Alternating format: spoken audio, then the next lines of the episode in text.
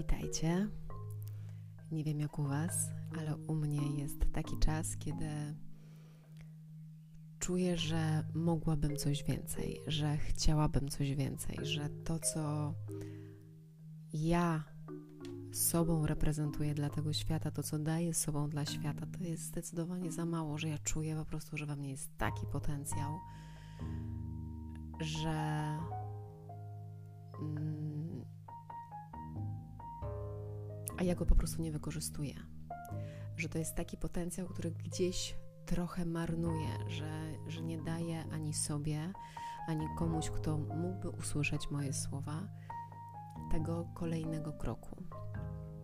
Więc dzisiaj będzie o, o takich miejscach, które są dla nas dość trudne, w których siedzimy, raczej stoimy w rozkroku nad żyletką i nie bardzo wie, wiemy, co zrobić, że starego już nie ma, gdzieś tam się przypomina to stare, tego nowego jeszcze nie ma, chociaż już trochę jest, ale tak naprawdę to w ogóle jest niepoukładane i my nic o tym nie wiemy. I tak stoimy trochę nad tą żyletką i nie wiemy, co dalej. To stare, stare jest takie kuszące, no bo jest takie znajome, to nowe jest nieznajome, tym bardziej jest kuszące, ale jednocześnie nie pozwalamy sobie przejścia tego etapu. To jest taki, w moim takim jogicznym myśleniu, to jest właśnie moment śmierci i narodzin jednocześnie, bo jedno wynika z drugiego. Że jak pozwolimy czemuś umrzeć, to coś innego będzie mogło się narodzić. I tutaj może taką analogię dodam. Kobieta, która rodzi dziecko, to dziecko przychodzi na świat, ale jednocześnie umiera ta kobieta, która rodzi dziecko, rodzi się matka w tym momencie. Już nie ma, oczywiście to jest ta sama kobieta, ale już ma zupełnie inny sposób myślenia, sposób czucia, inną wrażliwość, inną e, empatię, inne, inną miękkość w sobie ma jako matka.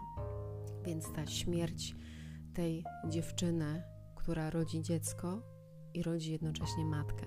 To jest taki właśnie ten moment przejścia, którego my się wszyscy bardzo boimy. I czasami słyszę, że a, bo tobie tak lekko, bo tobie tak łatwo, bo tobie coś tam. Nie, mnie jest naprawdę bardzo trudno. W ogóle całe moje życie to było bardzo trudno i wszystko było rolą ofiary, ale na ten moment pomimo tego, że wydarza się wszystko przepiękne w moim życiu, to nadal jest mi trudno robić te kroki w nieznane. One nie są takie, że o, wstaję sobie rano, o, to dzisiaj sobie po prostu pójdę, skoczę e, ze spadochronem. Nie, ja w ogóle muszę naprawdę bardzo długo pracować na swoją odwagę. Że ta moja odwaga to nie jest takie hop co, co ja mam wszędzie w zanadrzu to jest coś, z czym ja ciągle pracuję. To jest jak mięśnień, który ćwiczę w swoim życiu. I bardzo Cię do tego zachęcam, bo to nie jest naprawdę takie, e, że komuś jest łatwiej, komuś jest gorzej. Każdy z nas dostał dokładnie to, co jest w stanie przeżyć. Dostał dokładnie taką lekcję, jaką ma przerobić w tym ciele, które, które ma to moje zauważenie tego miejsca, ja miałam taki dzień przedwczoraj i wczoraj. I, I to jest coś takiego, że ja po prostu no, czuję, że coś jest pod, skórą, że coś jest nie halo, ale tak naprawdę to ja nie wiem, co jest nie halo, bo przecież wszystko jest w porządku, ale czuję, że po prostu no, najchętniej to bym siedziała i ryczała nie wiem nad czym.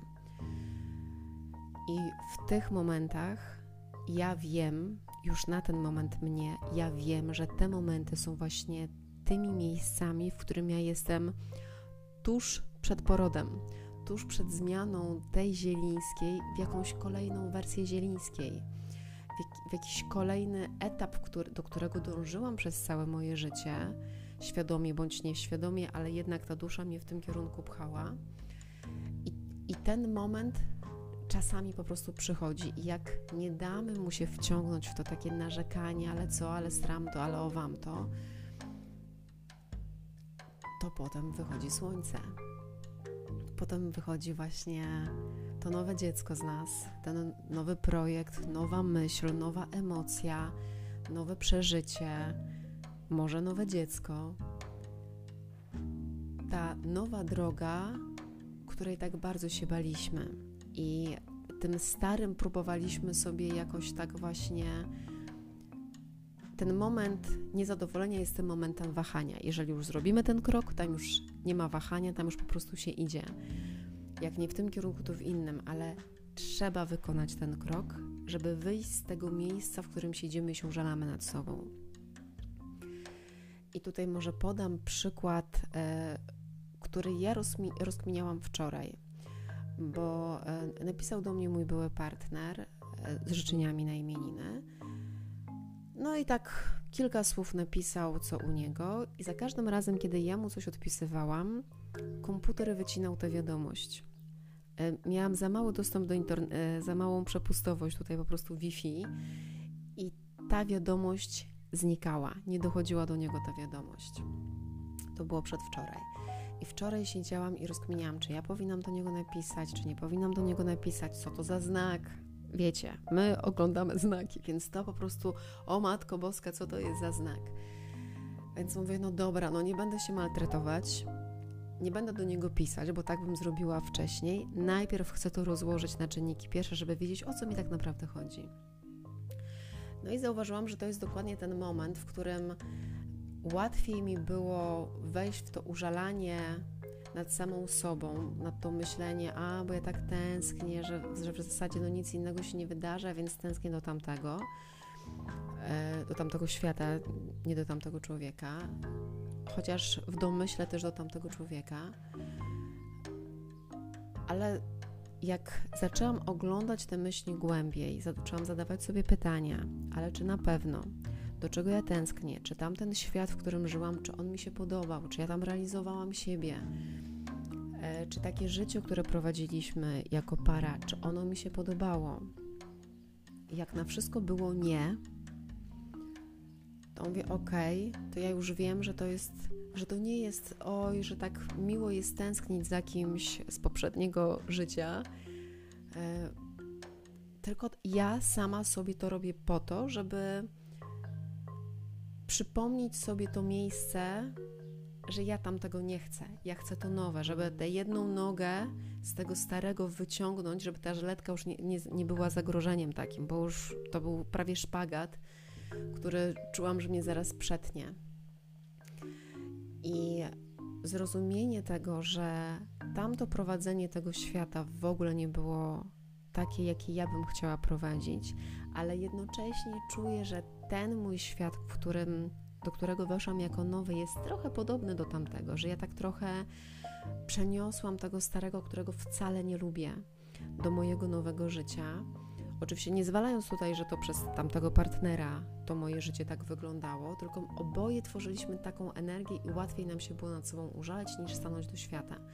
Jak człowiek jest sam ze sobą i ze swoimi myślami, to jest w stanie zauważyć to, że to wszystko, co się wydarzało w tamtym momencie, nie było fajne i to, co się zadziewa w tym momencie, też w tym moim myśleniu, oczywiście, też nie do końca jest fajne. Więc postawienie sobie pytania, jak ja naprawdę chcę żyć, jak ja naprawdę chcę spędzać mój dzień, jak chcę spędzać mój czas, z kim chcę spędzać mój czas czy chcę być sama, czy chcę być w towarzystwie innych ludzi, czy chcę być w naturze, czy chcę być nad oceanem, czy chcę być tylko z moimi kotami, czy chcę wychodzić do świata, czy chcę nagrywać filmy, czy chcę nagrywać podcasty. Co ja jeszcze mogę zrobić w tym moim życiu, żeby czuć, że to moje życie zaczyna być przeżywane? Bo mm, to, jak zaczęłam oceniać w tych moich rozkminkach, jak wyglądało tamto życie, którego ja nie chcę, to doszło do mnie, że to moje życie było bardziej takie ku śmierci, a nie ku, ku życiu. A ja wiem, że we mnie jest tyle życia, jest tyle ekspresji i tyle projektów do zrealizowania, tyle miejsc i możliwości pomocy innym, że tylko usiąść i zacząć to robić. Tylko na ten moment nie wymyśliłam jeszcze tego czegoś, chociaż już parę pomysłów mam, ale oczywiście one są jakieś za bardzo, jakieś za bardzo w mojej głowie, ponieważ moja głowa ocenia, no co ty Zielińska, ale z tym to nie dasz rady, no co ty, jaka szkoła w ogóle miłości, wolności, seksualności, co ty sobie wymyśliłaś, jak ty sobie z tym dasz radę, jak w ogóle to zaczniesz, że przychodzą do mnie takie e, autosabotujące myśli, które nie pozwalają mi wdrożyć tej mnie do tej przestrzeni, która którą ja chciałabym żyć. I oczywiście jest to tylko po to, żeby to zauważyć i zdecydować, że chcę inaczej. Usiąść na spokojnie samemu ze sobą spisać sobie na kartce, jak ja chcę, żeby wyglądało moje życie, co ja chcę robić w ogóle w tym życiu. Ok, skoro chcę pomagać, jak chcę pomagać? Jak mogę pomagać z tym, co mam na teraz, co mam, z tą wiedzą, którą mam, co mogę z tym robić teraz, żeby ta moja szkoła miłości, wolności i seksualności nabierała jakichś kształtów. Może w ogóle e, tak naprawdę nie dojdzie do realizacji tej szkoły miłości, wolności i seksualności, ale ja wiem, że jest to coś, co, co ja bym chciała ludziom dawać. Te informacje, które ja zdobyłam na ten temat, które totalnie odmieniły mo moje życie, moje myślenie, moje oglądanie siebie. Więc cokolwiek by z tego nie wyszło, to bądź wyszło, bądź nie wyszło, to ja chcę zasilać codziennie właśnie to miejsce, w którym czuję, że jestem jakoś przydatna temu światu, a nie, że ja po prostu przesiedzę dzień od, od rana do wieczora i pójdę spać i będę się y, jarała tym, że może będę miała świadomy sen. Że tak naprawdę ten sen stał się trochę ucieczką od tego, co ja tutaj żyję w rzeczywistości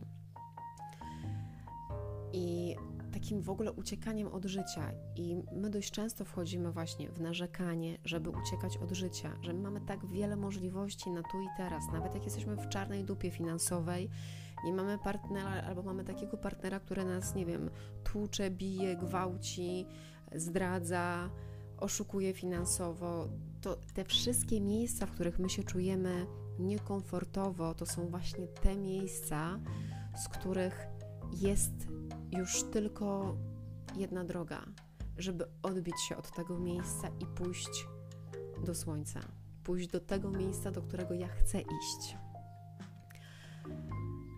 Więc to tak.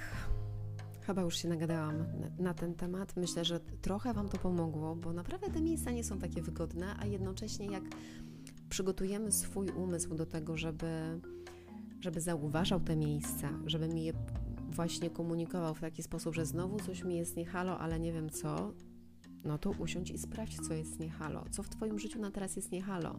Gdzie jesteś niekompatybilna? Może w ciele, może w duszy, może w umyśle. To są trzy najważniejsze, um, taka święta trójca, e, no nie wiem czy rzeczy, no trzy najważniejsze rzeczy, które mamy do zaopiekowania w naszym życiu ciało, umysł i dusza. Jeżeli nie jest zaopiekowane ciało, to jest nam niefajnie. Jeżeli nie jest zaopiekowana dusza, to jest nam niefajnie. Jeżeli mamy niefajne myśli, niefajne emocje, to jest nam niefajnie.